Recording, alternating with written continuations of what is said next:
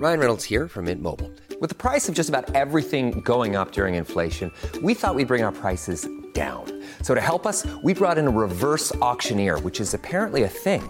Mint Mobile unlimited premium wireless. Ready to get 30, 30, bit to get 30, bit to get 20, 20, 20, bit to get 20, 20, bit to get 15, 15, 15, 15 just 15 bucks a month. So, Give it a try at mintmobile.com slash switch. $45 upfront for three months plus taxes and fees. Promo rate for new customers for limited time. Unlimited more than 40 gigabytes per month. Slows. Full terms at mintmobile.com. De tre bröderna, en originalsaga av bröderna Grimm.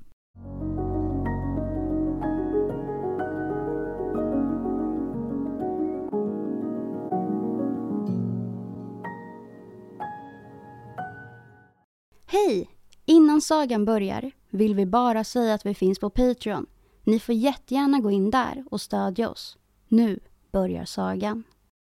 Det var en gång en man som hade tre söner. Men han ägde inget annat än huset som de bodde i. Nu hade var och en av dem gärna önskat sig att få detta hus efter hans död. Men fadern höll lika mycket av dem alla tre och visste inte hur han skulle bärga sig åt för att inte någon av dem skulle bli lidande. Inte heller ville han sälja huset eftersom att det hade gått i arv från hans förfäder. Annars hade han ju kunnat fördela pengarna dem emellan.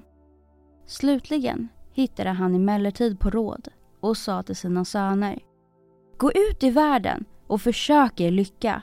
Lär er varsitt hantverk och när ni kommer tillbaka så ska den av er som visar det skickligaste mästerprovet få huset.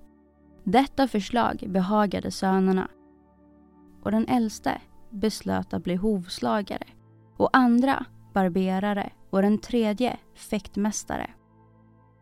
Därpå kom de överens om en tidpunkt då de skulle återvända hem alla tre och drog sig ut i världen. Nu hände det sig att var och en fann en duktig mästare som lärde honom yrket ordentligt. Hovslagaren fick sko konungens hästar och då tänkte han Nu måste jag få huset. Det kan inte slå fel. Barberaren rakade endast ädla herrar och trodde han också att huset redan var så gott som hans. Fäktmästaren fick tåla många hugg men han bet ihop tänderna och gav inte upp för att han tänkte för sig själv. Är jag rädd för ett hugg kan jag aldrig få huset. När den utsatta tiden var inne sammanträffade de åter hemma hos fadern men de kunde inte räkna ut hur de skulle få något lämpligt tillfälle att visa sina färdigheter utan satt tillsammans och lade råd. Bäst som de satt där kom en hare kilande över åkern. Se där, sa barberaren. Han kommer som om han vore efterskickad.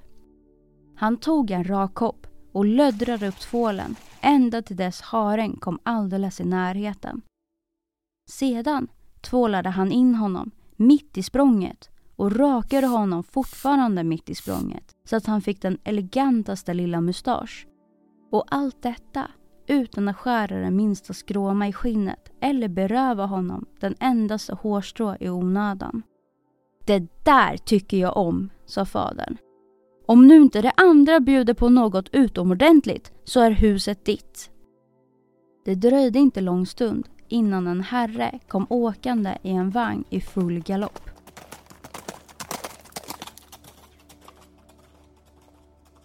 Nu ska du få se far vad jag duger till, sa hovslagaren. Han rusade efter vagnen, plockade de fyra skorna av hästen som alltjämt galopperade vidare och satte dit fyra nya skor, fortfarande mitt i galoppen. Det var mig en styv kar, sa fadern.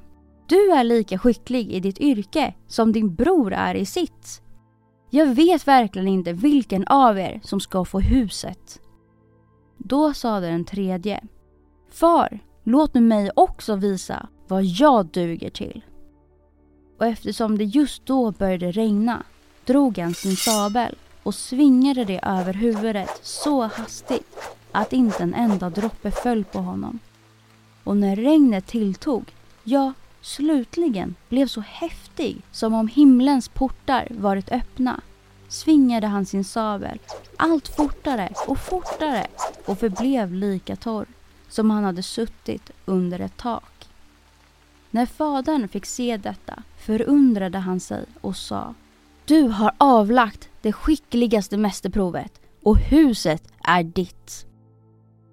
De båda andra bröderna gav sig till freds med beslutet så som de hade lovat på förhand och eftersom de höll mycket av varandra bodde de kvar där alla tre och var och en utövade sitt hantverk. Och som de hade gått i så god skola och var så skickliga förtjänade de mycket pengar. Sålunda levde de nöjda och belåtna tillsammans ända till sin sena ålderdom. Och när en av dem blev sjuk och dog sörjde de båda andra så mycket att de också insjuknade och snart dog de med. Och eftersom de hade varit så skickliga och hållit mycket av varandra lade man dem alla tre i samma grav.